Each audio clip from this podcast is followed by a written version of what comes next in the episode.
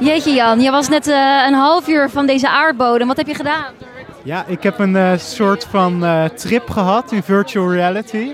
Ik wist eerst niet zo goed wat ik erbij moest voorstellen, maar ik werd dus in een, in een grasveld. Het begon in een grasveld en na een paar minuten begon ik allemaal ehm, dingen in de lucht te zien. Allemaal vormen in de lucht te zien.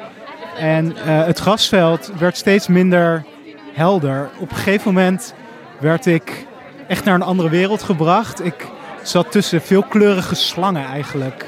Veelkleurige slangen. En ze draaiden om je heen. En het was best wel grappig. En op een gegeven moment kwam je dan weer terug op dat grasveld. En dan ging je weer terug naar die slangen.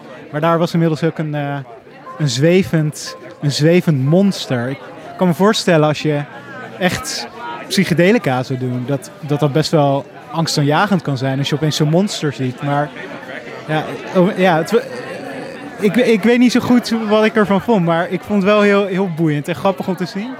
En na een paar minuten was ik daar wel echt toen opgegaan, denk ik. Dus, eh, En denk je dat je nu eh psychedelica wil proberen in eh, real life?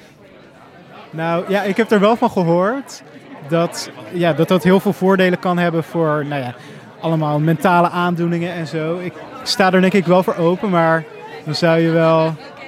Ja, ik, ik zou dat wel in een wat gecontroleerde setting willen doen, denk ik. Want je hoort ook wel over bad trips en dergelijke. En dat, ja, dat vind ik dan toch een beetje risky. Stel, ik zie zo'n monster en ik vind dat super beangstigend. Dat, eh, ja, liever niet, denk ik. Maar dit was volgens mij wel een, een, eh, een goede trip die je hebt gehad, zojuist. Ja, ja, een redelijk goede trip, denk ik. Ja, ja veel kleuren, mooie wereld. Dus ja,